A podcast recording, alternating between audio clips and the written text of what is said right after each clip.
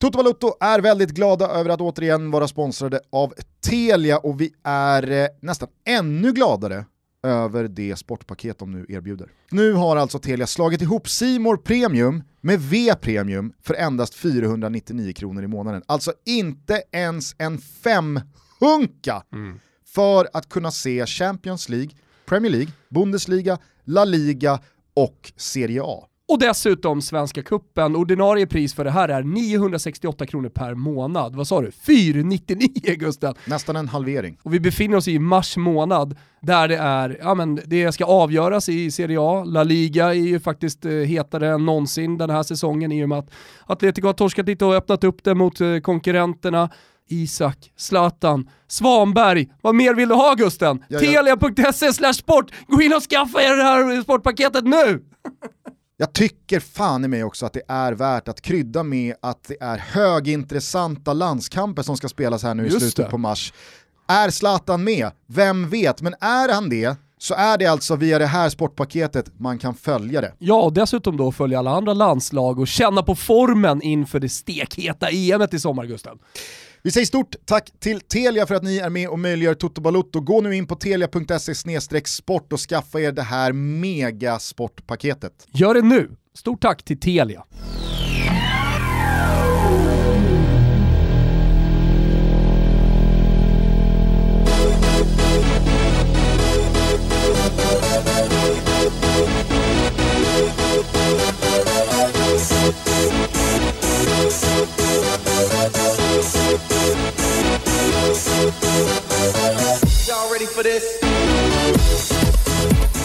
Morsning, korsning, välkomna ska ni vara till Toto Balotto. Det är måndag den 15 mars och jag undrar, eftersom vi numera spelar in via distans då vår studio renoveras, hur fan Wilbur José mår egentligen?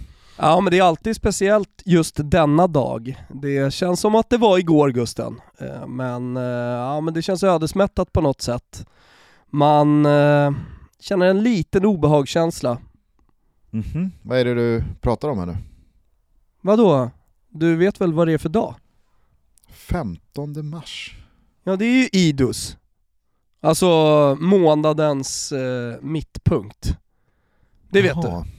Alltså enligt den romerska kalendern så följde man ju eh, månen slaviskt och gjorde som, som månen sa höll jag på att säga. Så idus är ju må månadens mittpunkt. Ja, okej. Okay. Och mm. vad, vad kännetecknar Idus då, förutom att det är mitt i liksom? Ja, det är dags att betala skulderna. Enligt gamla romerska regler så är det ju, så är det ju liksom i mitten på månaden, på Idus, som skulderna ska vara betalda. Har du några skulder? Eh, nej, det skulle väl vara någon mille eller två till någon bank. Men eh, annars, annars är det nog fan i mig eh, glest i den där skuldkolumnen. Nej men idag är det ju Idus Marti som man säger på vulgärlatin, Idus Martiae på, på latin. Det är 2064 år sedan. Men det känns som sagt som igår. Platsen var Il Teatro di Pompeo. Kejsaren hette Caesar, efternamnet får du inte. Det är alltså dagen då Caesar dödades. Men eh, hette inte Caesar Caesar i efternamn och Julius i förnamn? Jo men jag, jag, jag, jag, jag pratar ju som Borrell här va. Det förstår ju, får, förstår ju. Ja. Nej men eh, så, så är det. Så att eh, idag, idag är liksom, ja, det, det är årsdagen när Caesar dog. Du hade snappat upp någonting angående Borrell som du tyckte var roligt här för någon vecka sedan. eh, du hade delgetts då vad hans go-to-tanke var i samband med att Marek Hamsik slog ner som en bomb va, till Göteborg. Ja just det han kom ju hem och hans grabb sa liksom Fan pappa, pappa! Vet du vad som har hänt? nu, nu lät det ju som en tioåring, nu är ju Borrells, eh, Borrells grabb givetvis vuxen. Men, men det var verkligen sådär, shit, någonting stort har hänt här, har du, har du hängt med? Och Borrells go-to-tanke var ju att påven hade dött i Irak. Mördats i Irak. snurrar i den skallen så man blir bara glad alltså. Man blir bara glad. Ja det får man säga. Men, du, så... eh, kort fråga bara, vulgärlatin, var det det Dante eh, skrev eller?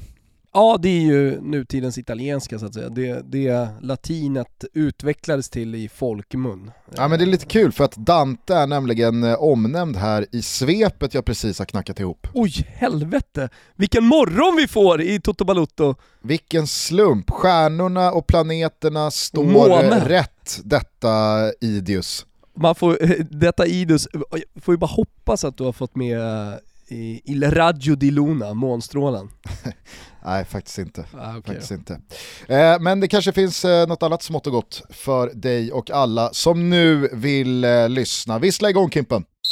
Jaha, nej. Då är det väl bara att dra på sig dumstruten för eh, dig, för mig och alla andra som för någon månad sedan och vid 11 poängs marginal ner till Real Madrid och med en match mindre spelad delade ut ligatiteln till Diego Simeone och hans Atleti.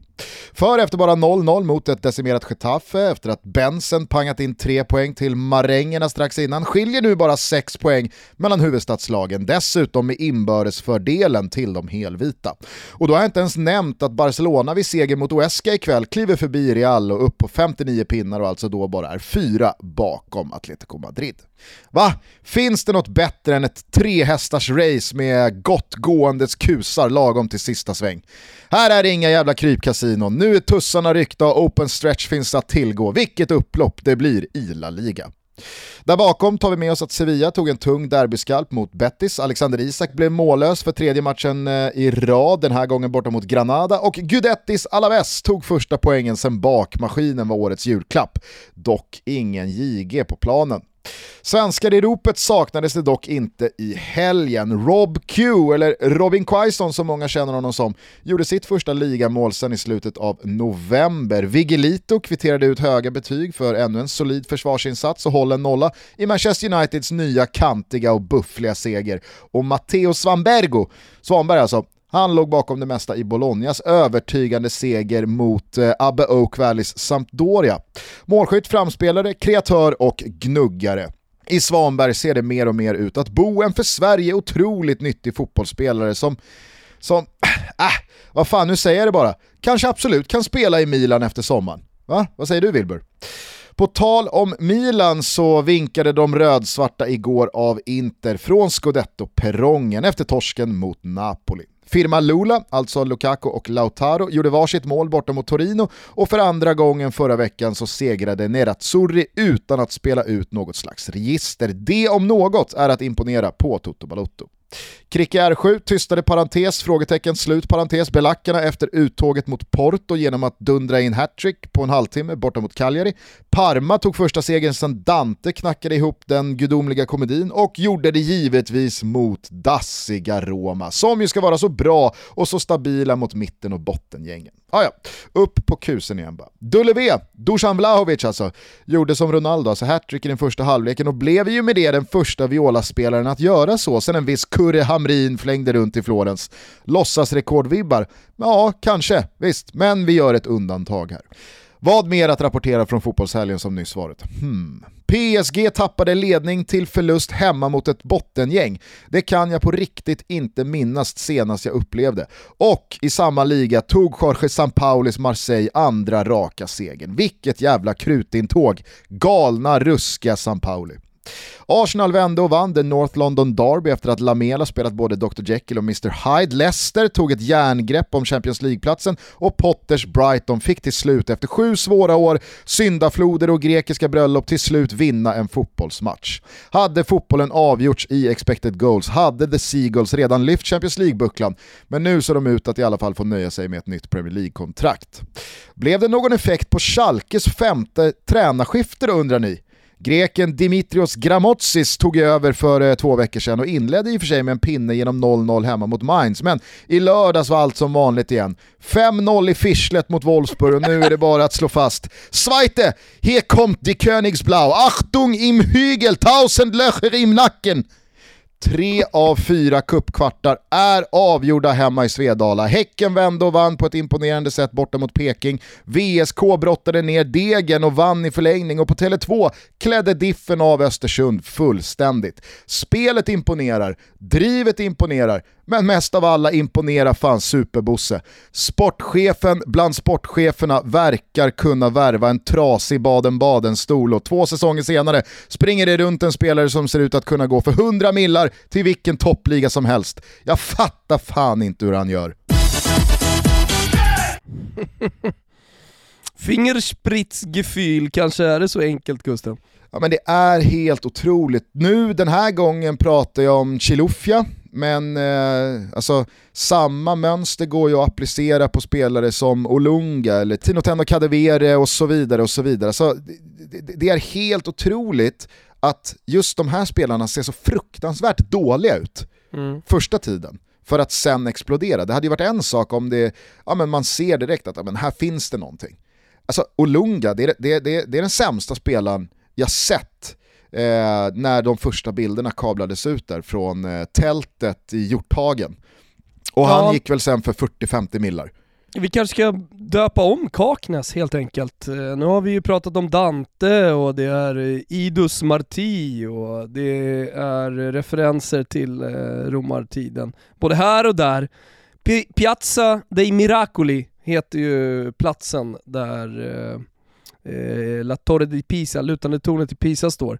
Kanske är det så att det är miraklernas plats vi pratar om Kaknäs? Ja, kanske. Alltså, det händer igår... något där, marken är gudomlig. Den ja. är magisk. Såg du någonting av Djurgårdens eh, vinst mot Östersund eller? Jag satt mer än på en liten second screen faktiskt, men eh, det är ju sådär lite med, med eh, de här Svenska cupen-matcherna. Jag vet inte, kikade du in på Degen eh, VSK? Nej, den Alltså den Wien blir ju, alltså tänk dig Highbury, eller tänk dig fan inte Highbury, utan eh, tänk dig en VO-kamera på en eh, plan någonstans i, utanför Ljusdal. Alltså det, det, det är liksom två meter upp, det är som att det är en förälder som står och filmar med sin mobiltelefon. Eh, det, det, det känns, alltså när man kollar på internationell toppfotboll och man har en dag som igår där eh, ni i Fotbollssöndag Europa avslutade alltihopa med eh, Sevilla-derby och Milan-Napoli, stor fotboll och vi går in i de här ligavslutningarna som är så jävla spännande nu och Champions League och allt vad det är så blir det så jävla märkligt då att ratta in i en sändning som, som känns som man faktiskt kollar på en division 5-match bara för eh, så att säga eh, produktionen. Mm. Och sen är det klart att det, det, kan vara kul att kolla på de här matcherna. Nu var det inte riktigt så i diffen, men det är fortfarande en rejäl temposvacka. Och herregud, allsvenskan har inte ens kommit igång än. Det ska ju inte vara toppform och springa benen och sådär. Nu var det det visserligen på Djurgården, men, eh, men ändå. Jag, jag, har, jag har lite svårt för de här eh, tidiga eh, allsvenska matcherna, eller ja, Svenska cupen. Ja, men absolut, jag förstår vad du menar och man ska såklart inte dra allt för stora växlar av dem, men jag tycker faktiskt att Djurgården imponerar och jag tycker att just den här detaljen av Djurgården, alltså Superbosses värvningar, som till slut får utväxling och bara exploderar, det är anmärkningsvärt. Alltså, ja, nu, nu, eh, nu kanske inte Albion Ademi här eh, stämmer överens på profilen av att spelaren i sig ser klappkass ut och två år senare så, så bara händer allting på ett halvår. Eh, Ademi som man har hämtat in här, eh, ser ganska små, småspännande ut redan nu, men då i fallet Edward Chilufya. Jag vet han har dragits med en hel del skador och så vidare, men eh, nu, nu, nu, ser han ju liksom ut att vara någon slags fuskspelare. Okej, Östersund kanske inte ser ut att tampas om något allsvenskt guld i år, men eh, jävlar vad det går kring Chilufya alltså. Ja, nej men det, det som du säger, det, det är helt otroligt. Men det, det är ju miljön som jag tycker nästan är det intressanta här. Självklart så ska ju jävligt mycket cred eh, landa hos eh, tränarna också, som är bra på att eh, hela tiden utveckla de här spelarna och få dem att prestera max. Eh, men, men det går ju över tränare. Exakt, det är ju flera olika tränare under de här åren som Bosse har polerat, tillåt mig att säga det, bajskorvar till eh, guldtackor. Mm. Nej, och, och, och, dessutom inte bara fått utveckling sportsligt såklart i, i Djurgården, som har lett fram till eh, ligatitel, men eh, också försäljningar som sen borgar för att man kommer kunna eh, vara slagkraftiga under en lång tid framöver. Ja, nej, eh, det blir eh, ruskigt eh, spännande att följa Chilufyas vår här. Det Jag skulle inte bli jätteförvånad om Djurgårdarna liksom, eh, hakar på den här hypen som många allsvenska supportrar eh, har eh, tillåtit sig själva att sväva iväg kring de senaste åren med att prata transfersummor inför stundande fönster. Det är spelare från både AIK, Blåvitt och Malmö, och alltså det är inte bara Djurgården här, eh, där det ska gå liksom för 100 miljoner, 150 miljoner, räcker ens 200 millar för den här gubben? Eh, vi får se vart Chilufya landar jo, nej, in. Men, och det där är ju lite lustigt, eller man kan göra sig lite lustig över de eh, diskussionerna, att Erik Karl ska gå för 100 miljoner, sannoliken inte mindre än 80 i alla fall, nej, men typ. Alltså det, det tenderas ju att överdrivas ganska friskt vad det gäller eh, transfersummor eh, på allsvenska spelare. De hinner knappt debutera innan de ska säljas för en halv förmögenhet. Eh, men i Djurgårdsland så verkar ju det där stämma. De kan ju spekulera fritt i alla möjliga olika drömsummor för, för sina spelare. Ja, det enda man vet i, i, slutändan det är att Bosse kommer toppa eh, ens den vildaste fantasin. Toto Balotto är sponsrade av sina vänner på K-Rauta. Det är badrumsveckor Thomas. Jajamensan, eh, vi har ju redan utsett det till det bästa rummet för det är där förvandlingen sker, eller hur Gustav? Och just nu under dessa badrumsveckor på K-Rauta så finns det mängder av fina erbjudanden. K-Rauta hjälper dig med allt från inredningstips till större renoveringar. Man kan ta hjälp av deras fantastiska projektplanerare och som om inte allt detta vore nog så är det upp till 25% rabatt på badrumsinredning från Hafa, Noro, Svedbergs och Scanbad. Så står man inför, ja, kanske bara inreda sitt badrum lite schysstare eller en större renovering, ja men då ska man givetvis ta sig till ett K-Rauta varuhus eller krauta.se finns ju alltid. För inspiration Gusten, då gäller K-Rautas Instagramkonto, missa inte det. Vi säger stort tack till K-Rauta för att ni är med och möjliggör Toto Balutto. Stort tack! Eh, hörru du, ska vi släppa Svenska Kuppen och den svenska bollen i och med det och rikta oss eh, ut mot kontinenten? Ska vi börja på San Siro? Där eh, Milan alltså enligt mig vinkade av Inter i Scudetto-striden. Eh, noterade du vad Ante Rebic sa till domare Pasqua? Sa han figlio di puttana eller vad, vad var det? Nej, eh, jag, har bara, jag såg det bara via en fransk tweet. Så jag såg det liksom på franska och sen en översättning därifrån. Men tydligen så kastade han bara ur sig då när, för det var väl så att han inte, han drog på sig en frispark va, precis där eh, i den situationen. Just det och eh, vänder sig då bara om eh, mot domare Pasqua som några minuter tidigare i matchen hade nekat Milan en straff eh, via en varkoll då. Jag tyckte det var helt rätt, jag tyckte inte alls eh, att det där var straff. Fotboll är en kontaktsport och man måste kunna nudda varandra utan att det för den sakens skull då ska vara liksom clear cut case att oh, men då ska det vara straff eftersom man nuddar varandra.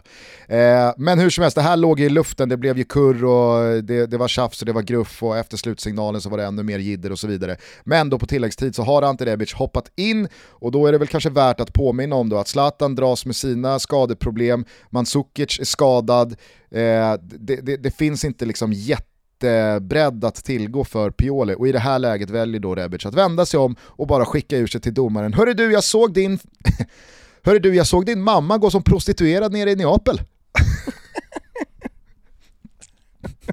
ja, okej.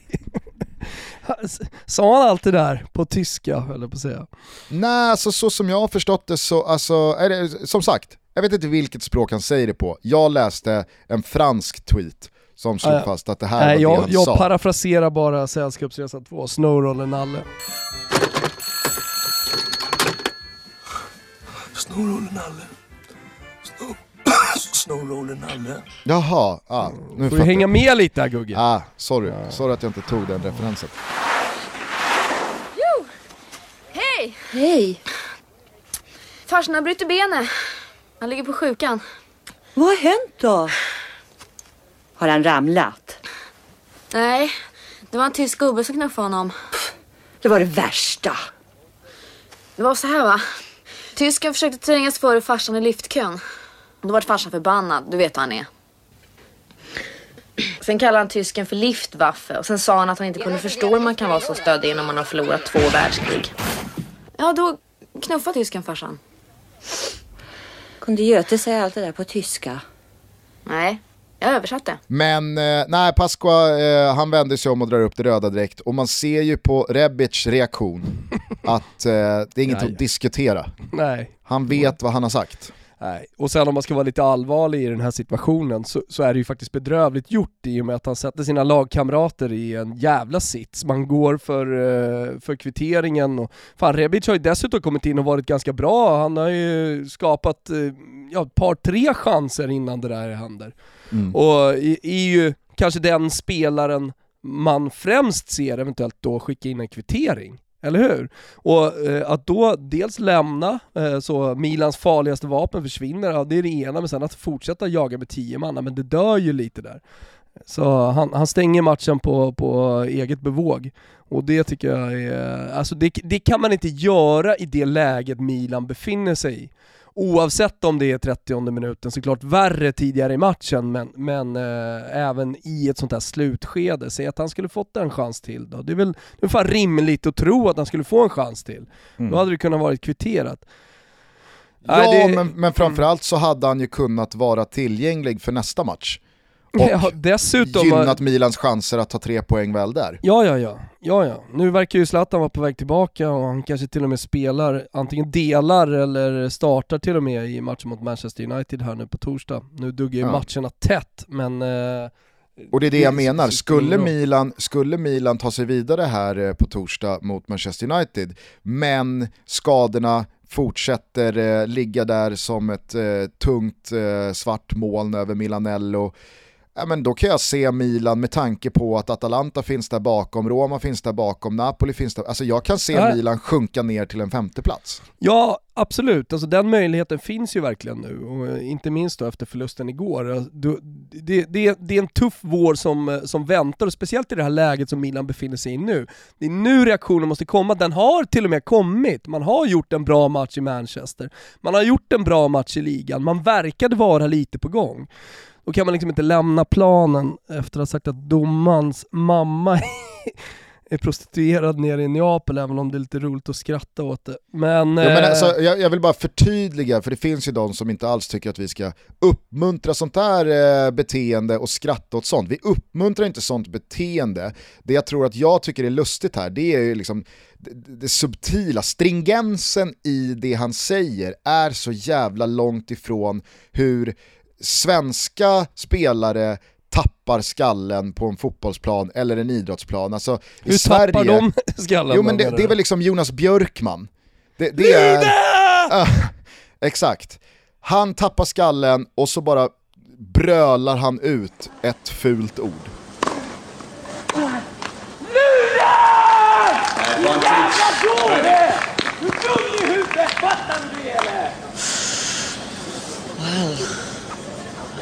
Fan inte första gången du är inne och fördärvar. Ja, men så, man ser ju på Jonas Björkman att han skäms lite under hela den här harangen. Alltså han är, han, han, han är, lite, han är lite svensk i det där. Samtidigt, nu det ska fan- ut men det finns Jag- en skam. Och så jag får nog fan gå in och live-rätta mig själv här, för att det som är ändå lite delikat med Björkmans tappade skalle är ju liksom då bisatsen han, han drar på med, det är fan inte första gången du är inne och fördärvar. Alltså att han hittar ordet fördärvar i det läget. Det, det, det, det, det eleverar någonstans det liksom brytet på något sätt. Men du förstår vad jag menar. Vi pratade ju om det här eh, för något år sedan när, när, eh, när Zlatan eh, eh, lämnade plan eh, i, i USA, i Galaxy, för sista gången va? Eh, när han eh, tog sig eh, på paketet och säkert skickade en rejäl salva mot eh, de som skulle känna sig träffade av den. Och att det, det, det, man man ser liksom inte Marcus Holgersson i, i Helsingborg eh, på samma sätt verbalt tappade med någon slags, med någon slags finess. Och återigen då, vi uppmuntrar inte Rebic beteende och det han säger mot domare Pasquar. Men det finns någonting i att han liksom så reflexmässigt hittar en sån liksom uttänkt mening som att domarens, jag har sett din mamma gå på gatan i Neapel. Det, det, det är klart att det finns finess i det och sen så är det ju kulturella skillnader och språkliga skillnader här som gör att finessen kanske blir mer påtaglig för oss svenskar som inte har så mycket finess i språket. Men eh, till alla ungdomar då som lyssnar på den här podcasten, för ni är ju trots allt en del, fan jag är ju spelare som är eh, 12 år som, som, som, som lyssnar på oss. Försök att hitta lite finess när ni skäller på domarna. Mm. Exakt. Men det är fan okej att ha en relation med domaren, det, det vill jag ändå säga. Det är okej att ha en relation med domaren och vara missnöjd eh, och, och diskutera detta med domaren under matchen. Det, det, det, tycker jag ändå, det tycker jag ändå är viktigt någonstans i en fotbollskarriär. Jag eh, tänker eh, spontant nu också på när Kalmar inte kastar tillbaks bollen mot Halmstad på Örjans vall för en herrans massa år sedan.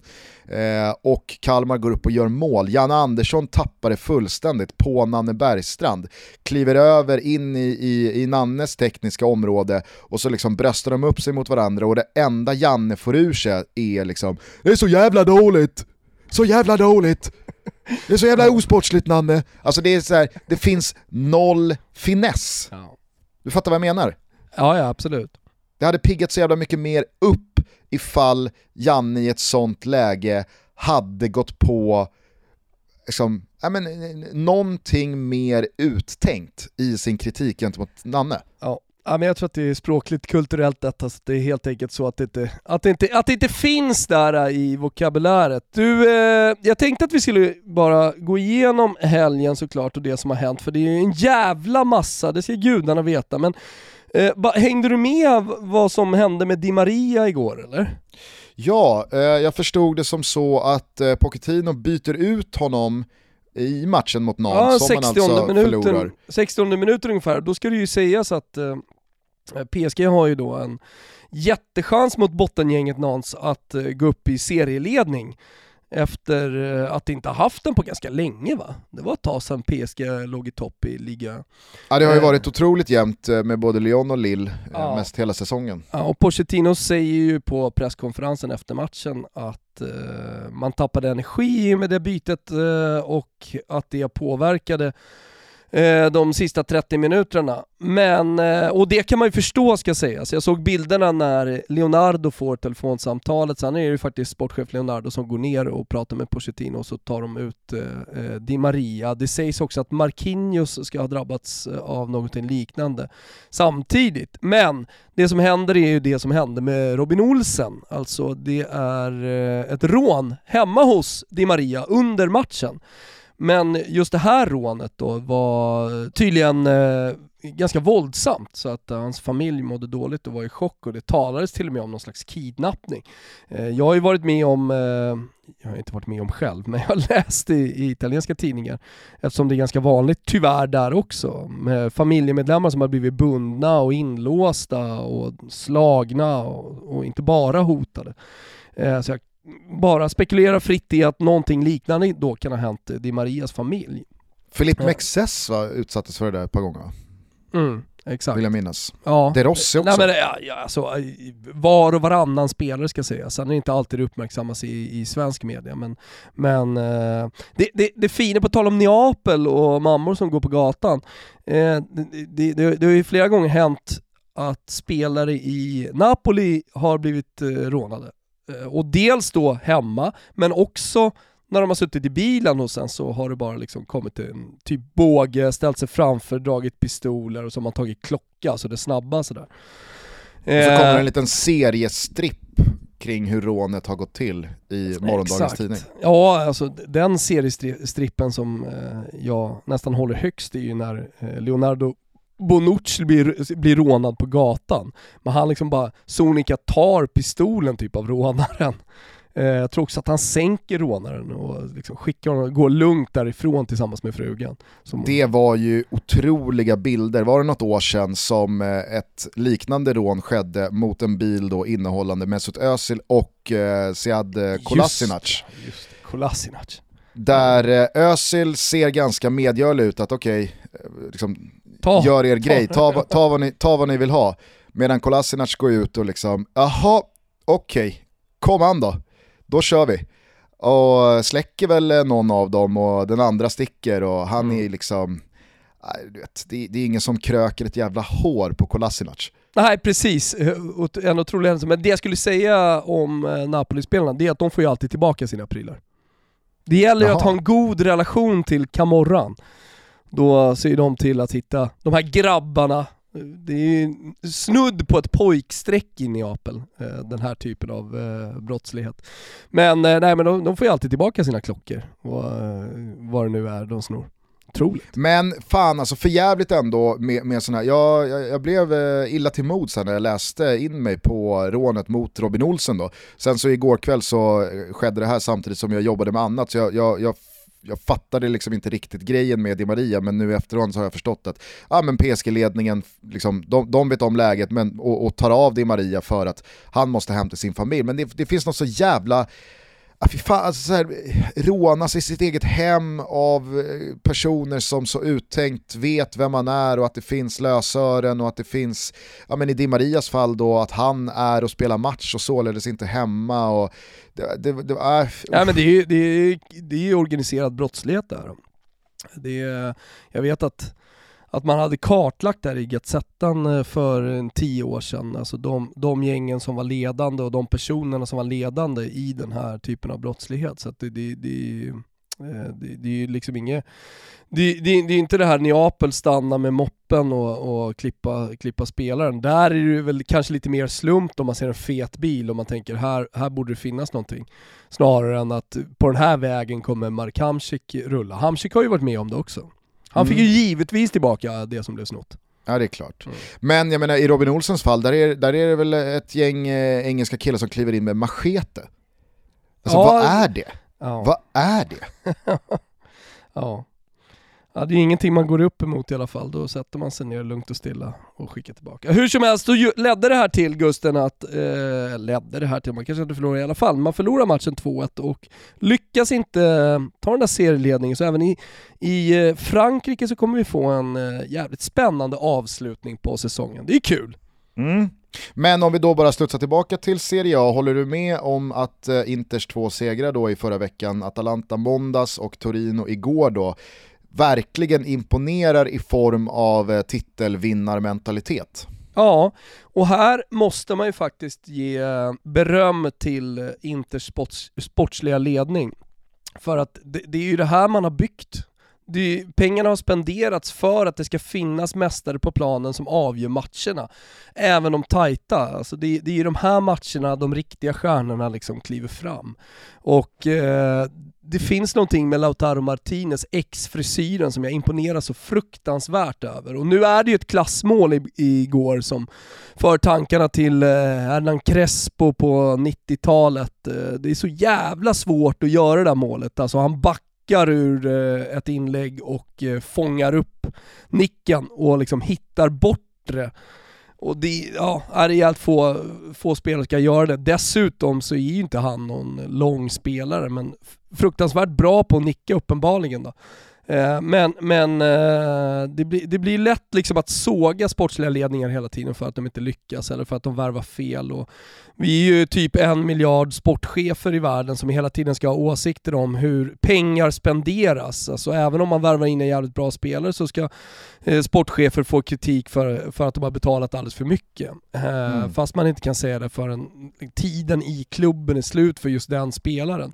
Men i det här fallet så, så måste man fan stanna upp lite och titta på vad Beppe Marotta har gjort i Inter och hur han långsiktigt ändå har byggt eh, ett scudetto-vinnande lag. För nu, nu tar jag det nästan, även om Pirlo och Agnelli och gubbarna tror på scudetto fortfarande någon slags mirakel under, under våren så uh, ja, men jag, jag, jag tycker det känns väldigt klart och som du säger, nu har man inte varit speciellt bra heller den senaste veckan men ändå lyckats bärga de här tre poängen. Det tycker jag för övrigt annars har varit så här, Inters eh, problem delvis men, men också eh, brist på erfarenhet kanske som lag men, men eh, det har varit en mognadsbekräftelse under de senaste två månad, månaderna. Man liksom har visat att man har gått ifrån att vara jävligt bra och eh, stundom också under hyfsat eh, liksom långa perioder men där man har fallit ner i eh, dels alldeles för dåligt spel men också i dåligt självförtroende på de stora spelarna som inte har lyckats vara avgörande i de här matcherna. Nu istället så, så, så, finns liksom allting på plats. Man ser ut som ett mästarlag när man spelar som bäst, när det krävs att man spelar som bäst, som i mitten på februari när man då körde om Milan och vann derbyt och liksom satte sig i pole position. Men nu har man också klarat av det här eldprovet. Så och det är väl det som går lite tvärtom då i Atletico Madrid, där det bara rullade på smärtfritt och övertygande hela vägen fram till att, ja men jag tror att de själva kände att nu kan vi inte bränna den här ligatiteln. Det var 11 poäng, det var en match mindre, det var ett, eh, ett eh, spel, det var en defensiv, det var en mentalitet, det var ett hårt jobb, det var en skadesituation som kändes som att nej men, det här kan de inte sumpa, nu är det bara att eh, ligga och, och göra jobbet så kommer det här lösa sig. Men då börjar det darra, så jag vet inte om du såg eller läste eh, Simeones intervju efter matchen mot Getafe. Eh, då pratar ju han om att nej men jag, alltså, jag kan inte stå här och vara missnöjd, jag är svinnöjd, vi tar en poäng borta mot Getafe, det är en svår match. Det, vi, vi, eh, vi, eh, vi, vi är supernöjda med det här och insatsen är bra och jag har ingenting att alltså, så här, det känns som att han lite panikartat försöker intala sig själv, sina spelare, media och supportrar och alla andra som lyssnar att, ja men, ett, vi är ingen realistisk eh, liksom, titelutmanare. Det, det, vi ska inte vinna ligatiteln. Oavgjort borta mot Getafe med en man mer sista 20 minuterna. Alltså det är bra. Det är riktigt bra. Vi, vi förlorar inte matchen. Alltså det finns den här, nu börjar man fluffa upp kuddarna för att kunna landa lite mjukare om det här skulle sluta med att man rasar ihop fullständigt. Och det känns så, jag vet inte, det, det, det känns, det känns så nervigt liksom. Vi är denna vecka sponsrade av Myrkvist och jag känner mig direkt upprymd. Ja, jag förstår att du gör det. Jag som har bott i Florens, där man garvar läder sedan 1400-talet, är ju en sucker vad det gäller riktigt kvalitativa skor, Gusten. Vi kanske ska ta det från början. Myrkvist ja. grundades 2016 och blev förra året utsedda till Sveriges snabbast växande skomärke. Så att det är skor vi pratar om och den här framgången det är ett resultat av ett gediget men väldigt bra koncept. Myrkvist säljer nämligen snygga handgjorda skor av hög kvalitet utan några mellanhänder, vilket gör att de kan erbjuda ett väldigt bra pris, någonting du och jag kan gå i god för. Och vi snackar såklart handgjorda dojor i Portugal och de köper in allt material, lyssna nu Gusten, från de finaste garverierna i Europa. Myrkvist har främst gjort sig kända för sina kostymskor, men de har de flesta typer av skor, så som exempelvis ett helt gäng fina sneakers inför våren, som jag vet att du la vantarna på. Jajamensan, jag la vantarna på ett par oaxen och då tänker du direkt, aha, här kommer ett svenskt ortsnamn, mm. eller hur? Eh, det är så de har döpt sina dojor borta på Myrkvist. Eh, jäkligt snygga, men återigen, alltså sneakersen här, du känner, du bara tar i den, du ser den, du luktar på den. Det här är ett hantverk. Själv eh, köpte jag ett par kostymskor av modellen eh, Vadstena ja. och jag kan eh, på riktigt inte bärga mig till alla omständigheter gör det rimligt för mig att svida om och ta på mig min finaste kostym och toppa upp med de här skorna. Hörni, vanligtvis så brukar inte Myrkvist köra speciellt många reor just för att de redan har så bra priser med tanke på kvaliteten de håller på skorna. Men Myrkvist har valt att göra ett undantag för Toto Balotto och våra lyssnare. Vad är erbjudandet? Jo, man får 300 kronor rabatt på alla skor och det är den här veckan Gusten. Det gäller att passa på nu, sen är det kört. Så kvalitet kvalitetsskor, handgjorda, otroligt svenskt hantverk. Just nu 300 kronor rabatt med koden TOTO. Bor man i eller har vägarna förbi Stockholm så finns butiken i Moodgallerian, annars är det myrkvist.se som gäller och då stavas Surfing. alltså Myrkvist. M-Y-R-Q-V-I-S-T. Myrkvist.se. Jajamensan. Toto är koden, 300 spänn rabatt på riktiga kvalitetsdojor. Vi säger stort tack till Myrkvist för att ni är med och möjliggör Toto Balotto. Tack. Mattias Svanberg var det. Just det. Han stod för ännu en stark insats igår alltså med 1 plus 1 mot eh, Sampdoria. Eh, det har ju tisslat och tasslats lite om Milan i eh, italiensk media senaste månaderna. Mm. Jag fnös lite åt det när jag först eh, såg det i, i, januari tror jag det var. Men eh, vad fan, vad, vad, vad säger du? Är, alltså, finns, det, finns det något konkret här eller? Absolut. Eh, det, det, det är ju sådär, gör man det bra i ett provinslag så får man eh, alltid eh, storklubbarnas intresse efter sig. Gör man det bra i ett stort provinslag, typ Bologna, Torino, Udinese, Fiorentina, för de måste vi också placera där. Ja men då, då börjar det bli lite konkret. Och sen så tycker jag att det är någonting jävligt fint med med eh, Svanbergs utveckling i Bologna och sättet som eh, Mihailovic har eh, utvecklat honom på också, alltså sättet han har matchat honom. Det, det, det här är, ingen, det här är vark, varken någon slump eller på något sätt någonting som bara sker här och nu. Att säga, ja, men Svanberg har en bra period, utan Svanberg, han är här så att säga för att stanna. I eh, Gazzetta dello Sport så använder man ordet cresciutissimo, alltså superutveckling, fritt översatt. Och eh, ja, det, det, är väl det, är det som har hänt. Och kollar man på dessutom spelartypen så är det ju en spelartyp som Sverige saknar ganska mycket. För han är en, eh, han är en box-till-box mittfältare. Han kan spela som trekvartist, han kan spela som lågt sittande. Han är bra i närkampsspelet, men han är också kreativ. Han vågar ganska mycket, han vågar ta fram bollen. Och jag, jag vet inte, men, men tänk Barella lite grann, Gusten. Så Mm. tänker jag lite på, på Svanberg. Lite annan attityd gentemot domare och motståndare. Ja, positivt såklart att han har, eller, eller ska man säga att det är både positivt och negativt? Men han har Ja, karaktär, alltså jag tror att- Svanberg. Det Jag tror ju att Barellas attityd och karaktär kommer vinna honom mer titlar genom karriären än vad Svanbergs attityd och karaktär kommer göra för hans skull. Ja, nej men jag håller med. Men så, så börjar man titta på det här Milan-laget, för jag tänkte på det igår eh, på kvällen. Alltså vad är det för plats han ska ta?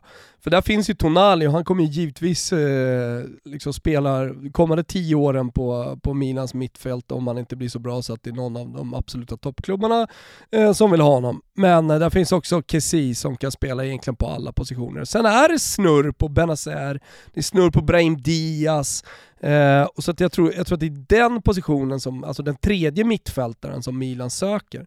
Eh, men, men just det här med att Svanberg nu är en fast del av Bolognas mittfält. Eh, det faktum som du brukar prata om Gusten, att han dessutom gör poäng och mål. Nu har han ass och mål igår och han har dessutom, ja ah, men det är ett klart mål. Sen från ingenstans, jag vet inte fan hur han hinner upp den, så dyker en samspelare upp på mållinjen och, och, och räddar dem från ytterligare en kasse i baken.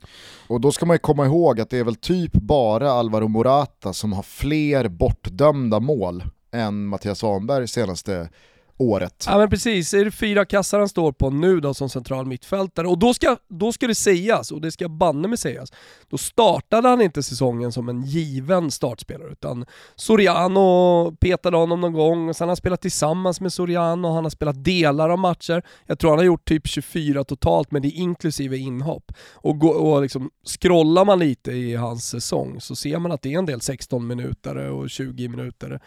Eh, så säg att det är hälften hälften då, bara på rak arm så här. det är enkelt att kolla upp men, eh, som, han har- som han har startat. Eh, jag är helt övertygad om att han kommer starta resten förutsatt att han inte får någon skada.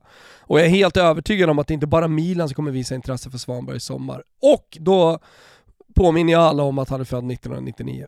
Jag ställde frågan till eh, Hasse Backe, Astrid Ajdarevic och Vicky Blomé igår i studion. Tror du att det finns en framtid i Jannes landslag där tvåmanna mittfältet centralt är Svanberg och Kristoffer Olsson? Eller är det aningen för offensivt balanserat? Det beror på lite hur han ställer upp resten av laget. Alltså ett 4-4-2 kan ju se olika ut på många olika sätt. Alltså jag tycker ju faktiskt att eh, Albin Ekdal är en perfekt spelartyp i, i ett 4-4-2 för att han täcker så stora ytor och han är så, han är så intelligent. Däremot med den eh, skolningen som Svanberg har fått, som man faktiskt kan likna lite med Albin Ekdals skolning i Italien. Alltså i, provinsklu- i provinsklubbarna och eh, ja, men så här, gediget arbeta sig verkligen in på ett mittfält. Fan vad han ska ha cred för övrigt, bara som en eh, liten eh, eh, parentes här. Albin Ekdal, om man kollar tillbaka på hans karriär, liksom ständigt ordinarie sedan han var typ 20 bast.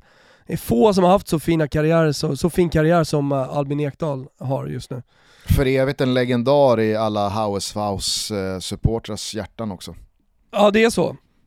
Ja, Ja, han har ju jävla otur i Hausfau. Med, jo men det hade han. Och, alltså helt ärligt, med, med facit i hand så är det lätt att sitta och säga att han, han skulle ha valt en av de 16 andra klubbarna som också hade kontrakt på bordet hos eh, Martin Klette. Men jag vet inte om hans bankkonto håller med.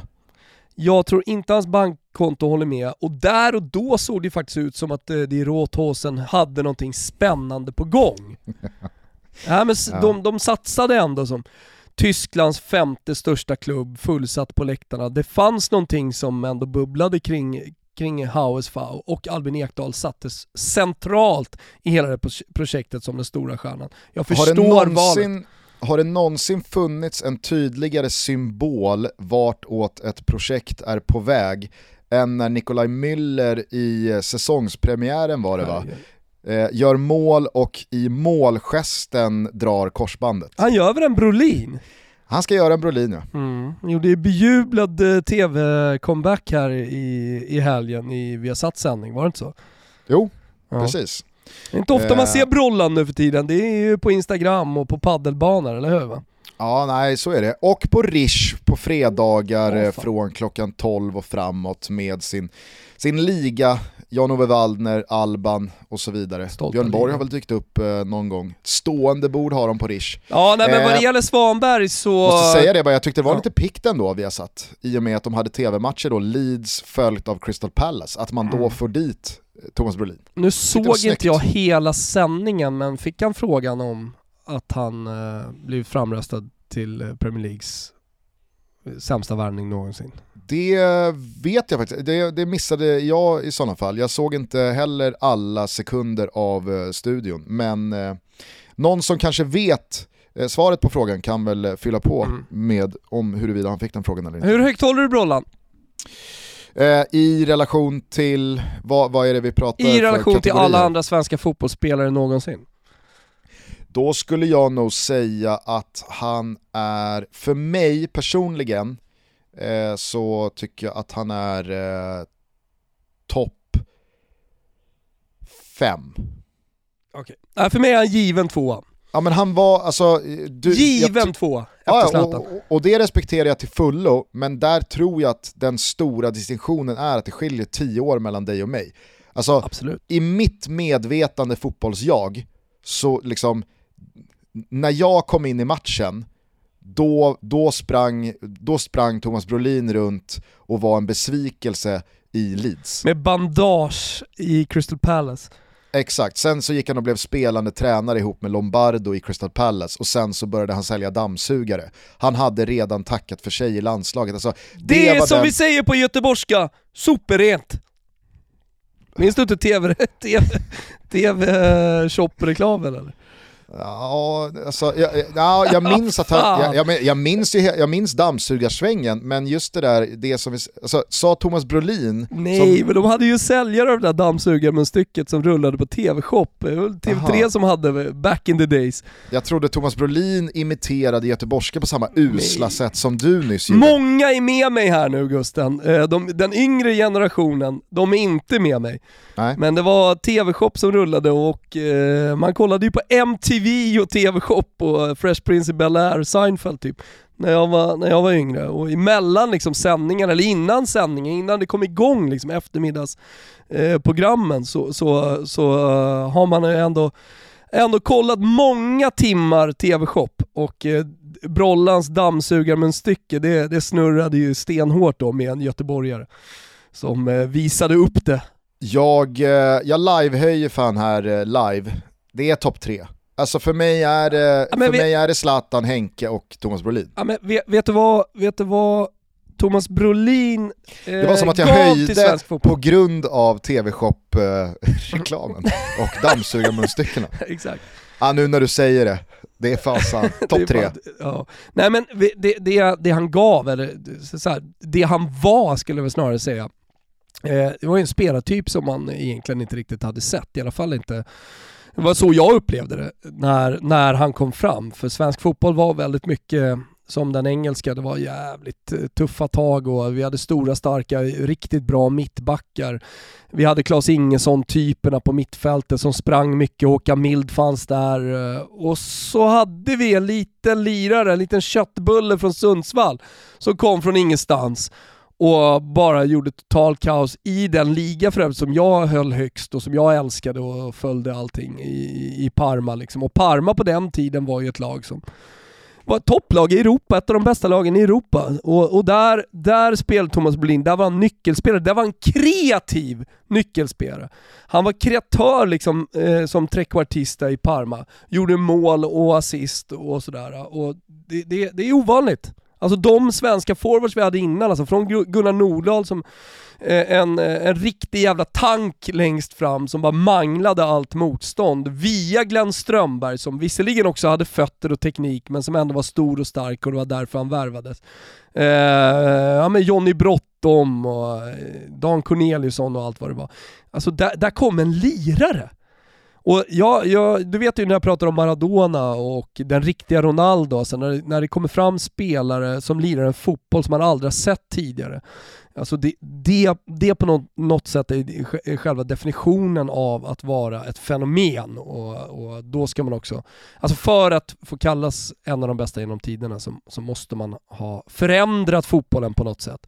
Och eh, Thomas Brolin förändrade sannoliken fotbollen i Sverige helt plötsligt så fanns det faktiskt teknik och, och en fotbollshjärna som jag i alla fall inte hade sett i svensk fotboll tidigare. Eh, därför håller jag honom efter Zlatan. Given som andra. Vi ska väl dock eh, korrigera där att visst, det, det, det händer grejer i Sundsvall men Thomas Brolin är väl ändå Hudiksvalls enda claim to fame. De har, inte mycket, att- de har inte mycket att glädjas åt där. Började väl eh, sin karriär i Sundsvall, visst var det så? Eh, elit, Norrköping, elitkarriären. ja. Norrköping är ju såklart därifrån han gick. eh, Jag, tänk, jag tänker inte slå upp det. Jag, jag, jag, det är så jag minns det i alla fall Gusten, så vi säger så. Mm. Ja, men bra, ska du bara då landa i Mattias Svanberg, tror du att han liksom kan spela i Milan? Ja, det tror jag. Det finns väl egentligen eh, ingenting som eh, talar för att han inte skulle kunna spela i Milan. Alltså han, han måste ju fortsätta ut, utvecklas. Cresciutissimo, alltså det, det behöver vara ytterligare en cresciutissimo eh, innan den här säsongen är över och han får gör, gärna göra ett par, tre mål till. Men ska jag då jämföra honom med eh, hans potentiella konkurrenter, alltså typ Brahim Diaz, typ eh, Benazer och de här. Eh, och med tanke också på den gedigna skolning som han har fått först i Malmös akademi men, men nu vidare förädlat av Senisa Mihailovic. Ah, jag ser egentligen inget riktigt stopp för Svanberg. Eh, och och det, just det, det skulle jag vilja komma tillbaka till. Alltså vi pratade om Barella och att han inte riktigt har Barellas karaktär. Men han har fan karaktär, Svanberg tycker jag. Du ser ju eh, målet som han gör när han vinner boll. Är det målet eller är det assen? När han vinner boll på mittplan, det är en 50-50 duell som han beskriver själv i er sändning. Ja det är assen. Ja det är assen är det. Ja, alltså så här, sättet han vinner närkamper på, sättet han vinner just den duellen på, det, det, är, ju, det är ju karaktär. Mm. Och eh, det tycker jag också borgar för att han kan spela egentligen på alla positioner på, på mittfältet. Han är en smart spelare. Så eh, Svanberg tillsammans med Koffe Olsson, definitivt. Men med det sagt, Albin har två, tre minst bra år till. Ja, snyggt. Eh, det kommer givetvis inte vara något snack om att Svanberg är med i landslagstruppen som Jan Andersson presenterar imorgon tisdag. Eh, men det finns ju så jävla mycket spännande kring den här truppen ändå. Det stundar alltså tre matcher här nu i månadsskiftet. Det är VM-kval mot Georgien och Kosovo, det är en träningsmacka mot Estland, en sändning som för, övrigt, som för övrigt Gugge programleder på Simor. Missar ni inte. Får du förtroendet i Sveriges matcher? Oj, oj, Det oj. här är ju big news. Det är, ny, det är nu det händer va? Är det Eh. nu Expressen lyssnar och skriver, eh, skriver artikel eller? Är det på den Nä. nivån? Nej, det tror jag inte. Det tror jag inte. Vi kan i alla fall konstatera som du är inne på, det är en, eh, det, det är en sportslig förändring från natt till dag kontra hösten. Då var det Portugal, Frankrike och Kroatien. Nu är det Georgien, Kosovo och Estland. Eh, jag misstänker att Janne återigen kommer ta ut en ganska fet trupp. Eh, Kanske hans 26-27 fetaste. spelare. Ja, kanske inte fetast, det vet fan. Men Jo men, 26 jo men så här, vänta Gusten, tänk så här. det har varit corona, det var länge sedan, eh, vi- det stundade ett EM, alltså jag tänker Antonio Conte som tog ut nästan 50 spelare och sen så började han banta. Det finns ju ingen gräns egentligen för hur stor den här truppen skulle kunna vara, eller? Nej, så är det. Nej, absolut. Alltså det skulle kunna vara 30 spelare. Ja, och med tanke på att det också är den enda truppen som tas ut innan EM-truppen ska tas ut så är jag säker på att Janne nog vill ha en hel del spelare där också för att ha dem i träning, känna på dem, prata med dem, ja, men landa lite i sig själv. Vilka ska egentligen utgöra EM-truppen? Hur många är det? 23 eller? Som ska med 23 till- EM-truppen ja. Ja, exakt. Och eh, från 18 till 25 så finns det väl ändå konkurrens? Ja, ja, jag tänkte, jag tänkte fråga dig om lite spelare, du, hur du tror liksom, eh, det, det kommer se ut här. Dels imorgon, dels under samlingen med speltid och så vidare och deras EM-truppchans av idag. Ska vi börja med Andreas Granqvist som alltså gjorde comeback i helgen eh, när Helsingborg träningsspelade mot Mjällby va? Ass. Hur tror, du, hur tror du Janne resonerar här nu inför imorgon och, och framgent? Jag tror han tar med honom. Alltså lite på det spåret som jag var inne på här, att jag tror att det blir en ganska stor trupp. Eh, jag tror att han inte vill, eh, jag tror han är försiktig med att stänga dörrar. Sen är det givetvis två stycken matcher, tävlingsmatcher som är viktiga mot, eh, jag skulle i alla fall säga Kosovo är ett landslag som är på gång och som man definitivt inte bara åker och städar av. Men jag tror inte att det kommer bli några större skrällar, det vill säga i form av petningar. Utan jag, tror att alla, alla som har varit med tidigare kommer komma med. Men också en och annan spelare som typ Granqvist, som inte har varit med på ett tag, men som ändå har en, eh, en chans att komma med i, i EM-truppen, alltså formstarka spelare. Men då sett- måste jag fråga, alltså, räknar Mm. du bak till typ Guidetti då? Alltså att han har en Ja, jag chans att komma med jag också? Tror. Jag tror det. Jag tror, Ja. att han, jag tror han vill ha med honom på den här samlingen. Ja, ja det, det hade förvånat. Men eh, ja, jag utesluter inte heller det. Eh, Zlatan då, hur tror du, hur tror Nej, du den är tänker där? given och den har ju Fotboll Direkt redan breakat så att jag ser inte det som, eh, jag ser inte det som ett, eh, en möjlighet att han inte kommer med utan... eh, Ja, det är väl alltså- ljumsken emot? Ja just det. Ja, men å, å, andra, å andra sidan så ska han med till EM så tror jag Zlatan själv vill vara med redan nu. Om det inte är någon så här storslagen comeback i, form av PR, någon slags PR-sväng som han själv vill göra. Att han liksom vill hålla folk på halster lite fram till EM. Men, eh, men han är ju så pass bra i den där ljumsken att jag tror att eh, liksom samlingen som börjar på måndag va? Om en vecka. Ja, precis. Ja precis, att, eh, alltså, om, eh, han kommer ju definitivt spela någonting i helgen. Då, då kan inte den stoppa det här. Nu har väl inte Milan eh, direkt gjort sig kända för att diktera villkoren för Zlatan sen han gjorde comeback eh, på Diktera Milanello. Men eh, de lär ju nog inte vara så sugna på att han ska sticka iväg till en landslagssamling om det nu finns eh, tvivel, och det får man ju liksom utgå från att det gör med hans eh, muskulära problem här. Ja men precis. Men det skiter väl Zlatan i om han vill till, till landslaget. Herregud ja. Ja nej, men sen så har ju Zlatan så jävla bra koll på sin kropp eh, så att eh, de, de, de förlitar sig nog ganska mycket på honom och hans, hans egna lilla team. eh, Så att det, det där kommer man inte ha några åsikter om från Milans Japp. håll. Jeppe Karlsson, Mm. Given i truppen. Jordan Larsson. Ja, givetvis. Hur tror du eh, Janne resonerar då Ja, men det är som jag bakom- säger Gusten, alltså det, det kommer inte bli några skrällar i form av att spelare blir petade. Alltså det, det är eventuellt då John Guidetti såklart, eh, men jag tror att han kommer komma med ändå. Jag försöker eh, tänka ut någon slags skräll här. Alltså i form av spelare som tas ut eller spelare som blir petad. Pontus Jansson till exempel, vad är status på honom? Det snackades om att han ska vara tillbaka i slutet av mars. Kommer han kunna vara med i den här landslagssamlingen?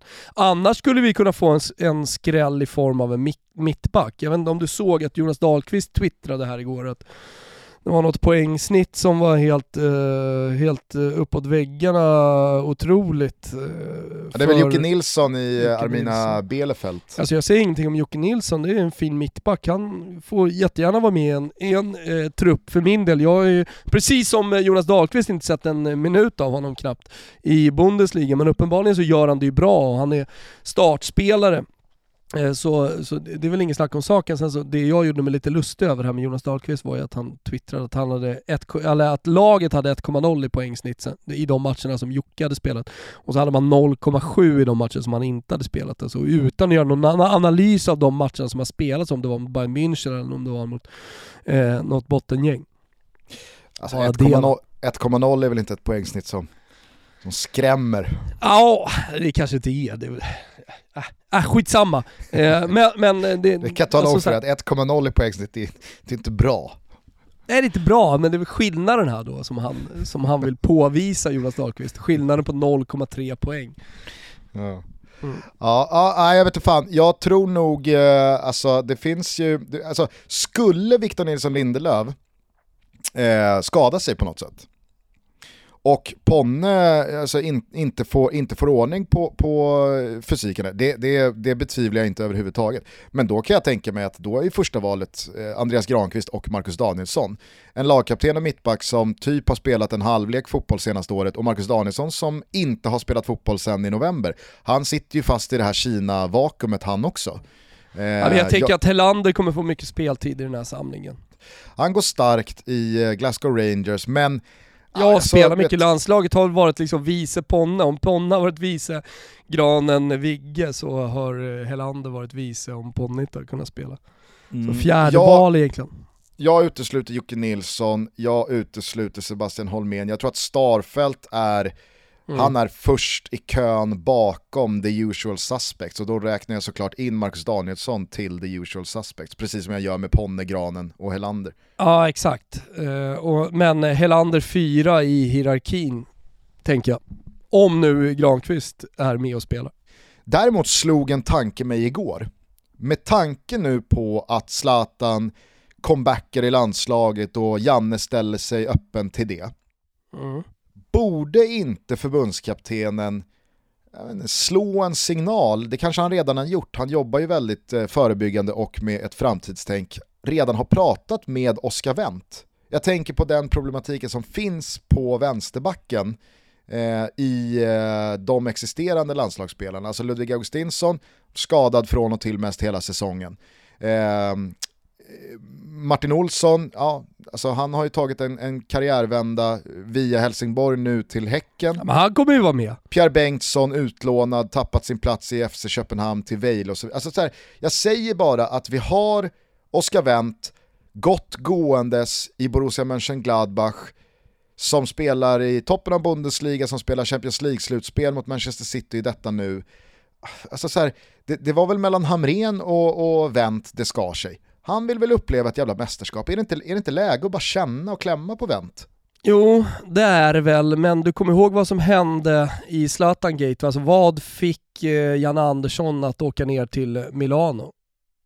Det var att Zlatan själv sa att han var sugen på att eh, spela landslagsfotboll igen och att han, eh, ja, han öppnade dörren helt enkelt. Oskar Wendt har inte öppnat någon dörr så att jag tror inte att Janne Andersson jobbar så förebyggande. Däremot så är det en spelare som vi helt glömmer här. Det är ju Gagliolo. Mm. Och alla vet om att han gjorde en sämre samling när han var med, men det fanns eh, ja, problem med språket, det var en vecka. Eh, fortsatt så har han ju varit eh, en av Parmas ändå bästa spelare och han ses som en nyckelspelare. När han inte är med så är det ett avbräck och så vidare. Det är så det skrivs om honom i Italien. Och jag, jag, jag tycker bara konstigt att man inte, att man inte nämner Gagliolo som både kan spela vänsterback och mittback. Absolut, men eh, det, det är som du säger, där kändes det som att den här samlingen och insatserna där totalt brände den bron. Ja, vilket jag kan tycka är lite ko- eller så här, ja, jag, jag förstår det på ett sätt, men han var ändå med under en hel samling. Det var någonting som ledde fram till att han fick chansen att spela i landslaget. Eh, så att jag menar, han måste ju ha varit eh, någonstans imponerad också av eh, Gagliolos prestationer i Parma. Jag trodde att eh, Janne och landslagsledningen skulle utnyttja det där idiotiska röda kortet mot Portugal till att steka Gustav Svensson liksom, framöver. Inte minst med tanke på att Jens Kajuste tog sig in från Mittjylland och, och förärades med en plats i truppen senare under hösten och så vidare. Va, va, vad tror du där? Tror du båda de två är med och att Mm, båda har chans på en EM-trupp? Alltså, tar de ut varandra eller kan, kan rent av båda följa med? Jag tror inte att båda kan följa med, men jag tror att båda är med i den här samlingen. Mm. Ja, det hade varit någonting ifall vi ställer upp med ett innermittfält som är Gustav Svensson och Jens Kajuste mot Estland. Ja.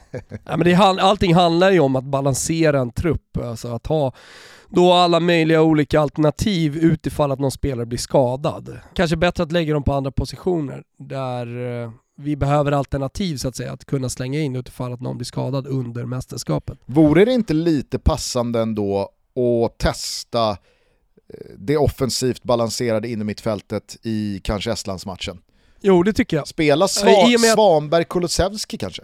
Ja, men I och med att eh, Jan Andersson eh, nu efter hösten eh, mot de stora nationerna i Nations League har pratat väldigt mycket om eh, Eh, förvandlingen lite grann då från att vara ett lågt stående försvarande lag mot de stora nationerna till att vara ett mer bollförande spelande lag även mot de bästa lagen i världen.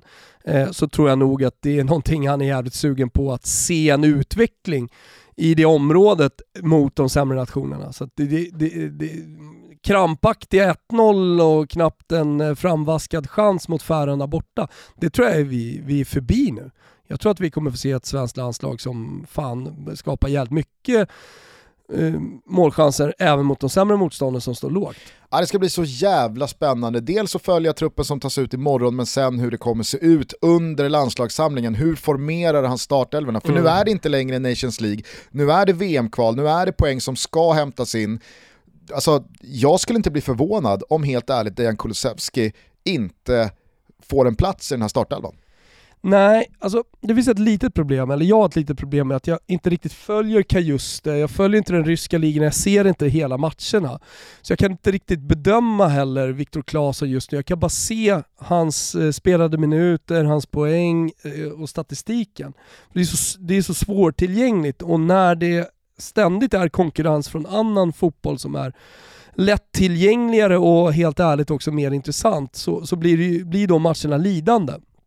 Men eh, det är som du säger, det, det är klart, alltså så här, i, i ett 4-4-2 så, så kan, och med Zlatan och med Isak som är glödhet, eh, med Marcus Berg som är en trotjänare för Janne, och vi vet alla hur mycket han älskar Viktor Claesson. Och med EM-kvalets bästa spelare Robin Quaison nu tillbaka i det. gott slag och gör mål igen. Och så, alltså, det, Herregud.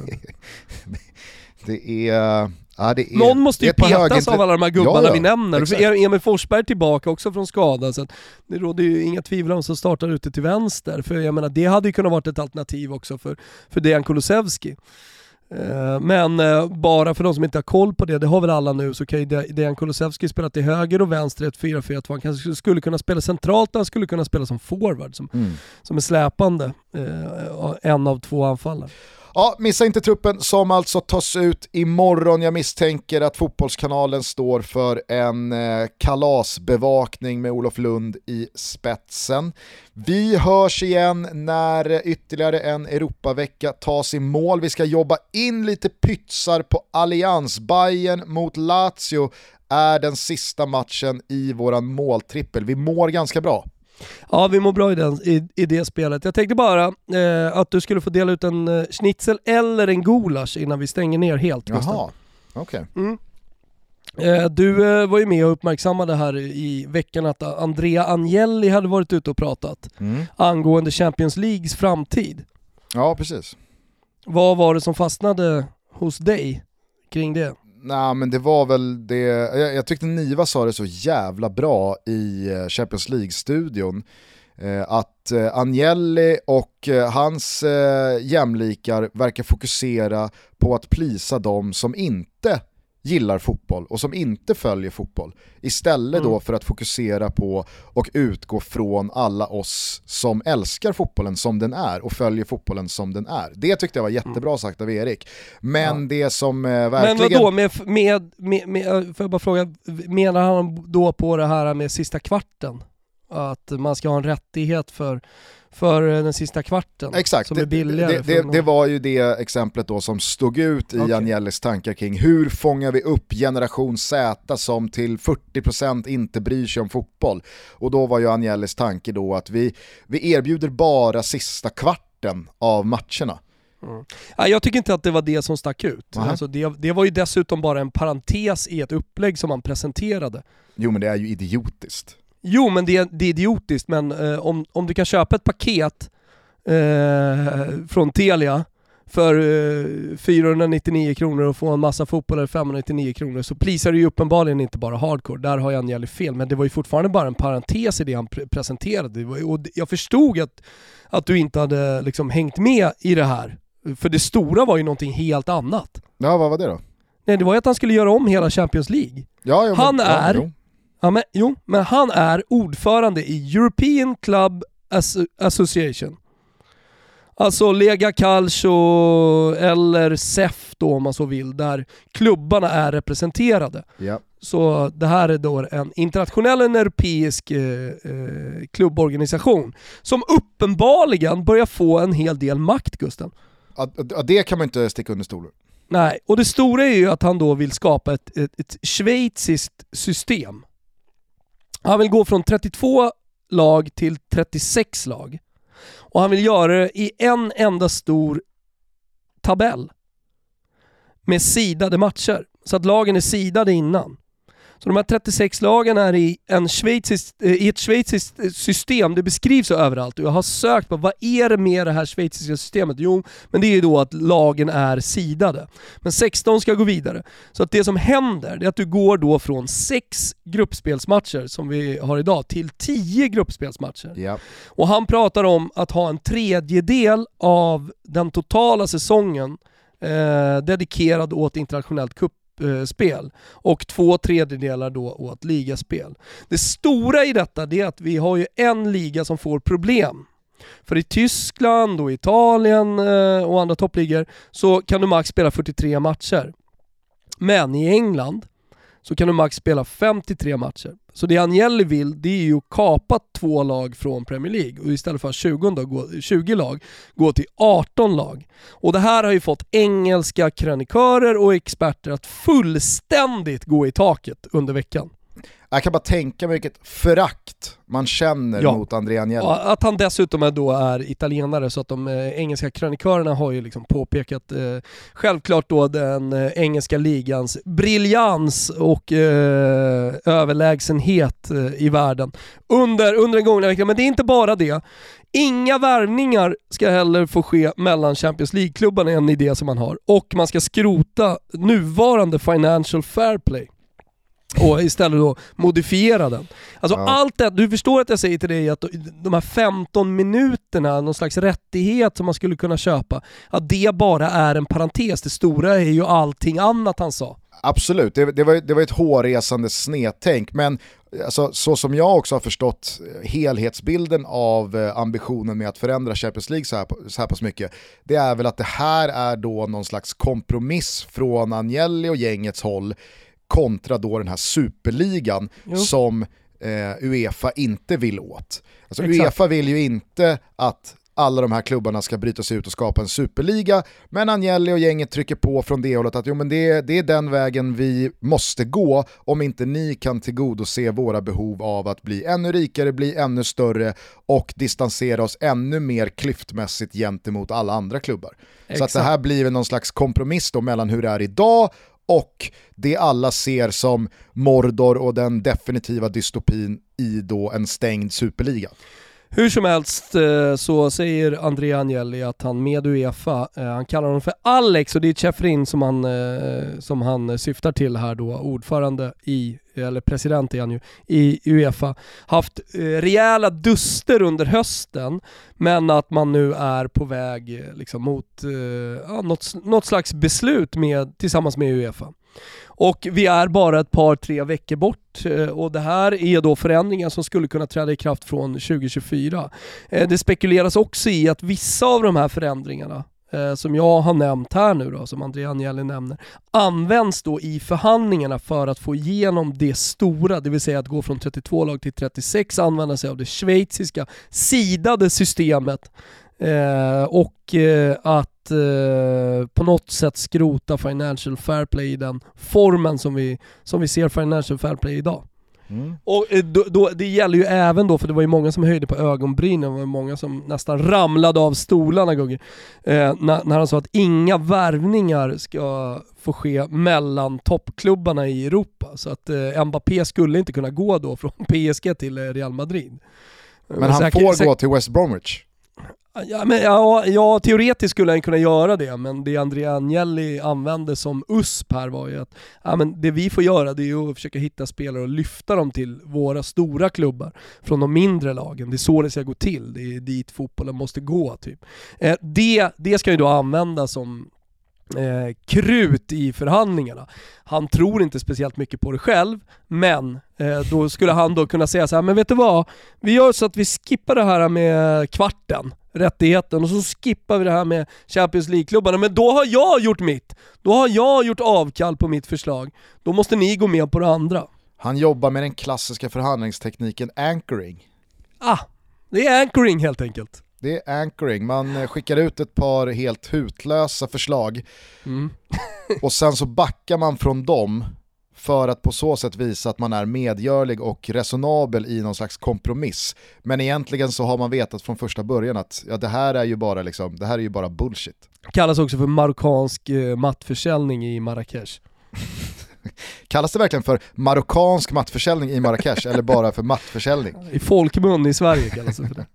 Ja, jag fattar. Ja, Men äh. du, du, du sa, alltså så här, du, du, du fick det låta som att jag hade något val här mellan schnitzel och gulasch. Ja men det schweiziska systemet, det är det jag är ute efter. Alltså, gå från 32 lag till 36, 10 gruppspelsmatcher. Alltså me- eller- mega-gulasch. Mm, okej. Med, alltså, jag, jag älskar devisen “If it ain't broken, don't fix it”. Mm. Jag tycker, jag tycker verkligen, jag vet inte vad du säger, men jag tycker verkligen att så som eh, säsongerna ser ut nu, och nu får vi tänka bort då coronapandemin och att den har liksom lagt sin eh, blöta filthand över ett komprimerat spelschema och så vidare och så vidare.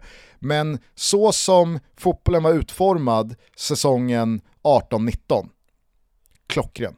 Jag såg att de Jungen in die Sud, Sydtribune i eh, Dortmund hade varit ute och protesterat nu i helgen. De eh, körde stor banderoll eh, på tomt Westfalen Ja, men du ser. emot detta förslaget. Eh, Ja. så, men jag säger bara så här, att om han nu har eh, rätt här, André Agnelli, för att detta European Clubs Association har ändå makt och han är ändå en maktperson inom fotbollen och han säger att det är bara ett par, tre veckor bort innan det kommer fattas beslut.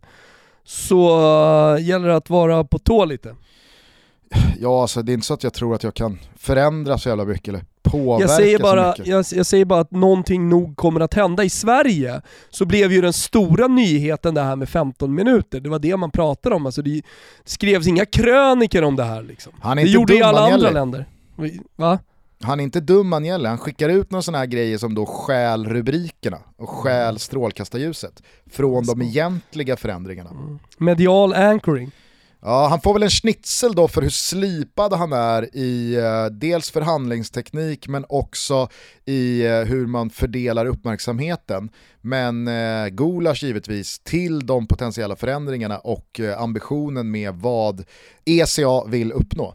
Jo, nej men absolut. Hur som helst, jag tror att det stora här, det han vill få igenom, det, det, är, den, det, det, det, är, den, det är det schweiziska systemet med sidade matcher. Det, det, har, det har vi uppfattat nu att du har noterat. I, men jag tycker det är så jävla alltså- lustigt det är att man alltså bara det pratar om Ja, men, ja, man pratar om det eh, som det här systemet, men ja, eh, kan, kan, har det funnits någon annanstans? Var? Kan jag titta på det här upplägget? Hur menar ni? Hur ska de sidas? Vad ska hända? Vem ska spela mot vem? Precis på samma sätt som eh, marockansk mattförsäljning i Marrakesh förmodligen bara heter mattförsäljning. Tror du att detta schweiziska system bara heter systemet i Schweiz? Ja, jag vet inte, kanske. Vi får väl se. Det här kan ju i alla fall komma att bli en mardröm för Kristoffer Svanemar i sitt framtida kommenterande om han i var och varannan match tvingas förhålla sig till det schweiziska systemet i och med att han inte kan uttala Schweiz. Så nu sa jag Schweiz eh, medvetet felaktigt, så som Ja. han säger det. Ja. Schweiz. Ja, ja, eh, det återstår att se. Vi följer den här landslagsuttagningen, vi följer Agnelli och ECAs eh, förehavanden, vi följer eh, de avgörande Champions League åttondelsfinalerna. Vi följer de avgörande Europa League åttondelsfinalerna, va? Vilken, eh, vilken kvartsfinalrunda som håller på att utkristallisera sig i den turneringen. Ja, verkligen. Kan bli riktigt trevligt faktiskt. Eh, och sen så jobbar vi som sagt eh, de sista pytsarna för eh, full utbetald jackpotvinst borta hos Betsson under Bayern München mot Lazio. Eh, vi hörs snart igen Thomas.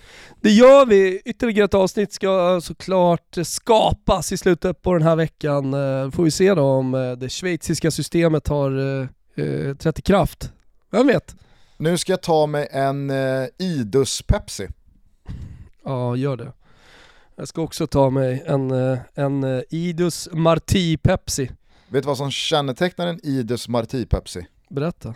Det är att man häller upp exakt ett halvt glas. Ah. Ibland, ibland är det det som räcker för att släcka törsten. Man vill inte ha ett helt glas. Nej. Man vill bara ha ett halvt. Man vill känna pepsin spraka i strupen och den goda smaken fylla gomseglet. Mm. Jag Man häller upp exakt ett halvt glas, tar en klunk och sen så andas man ut och säger ah, Idus Marti. Underbart. Hörru, vi hörs eh, på torsdag, fredag. Någonstans där ja, häng med oss då. Vi hörs, ciao tutti. Ciao. Vi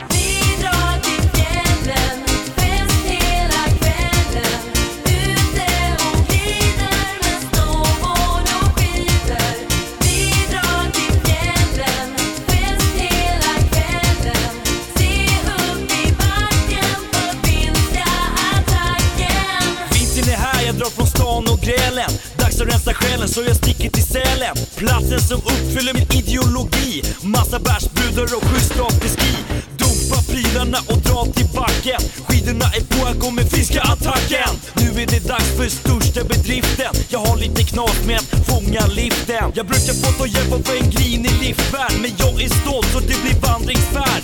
Utmattad och helt paj i kroppen. Sätter mig på knä, skriker äntligen toppen! Känner mig säker, känner mig stark. Precis som Stenmark är jag backens monark Skitbil och på, dags att sticka Böj mig fram, jag hör brallorna spricka Bidrag.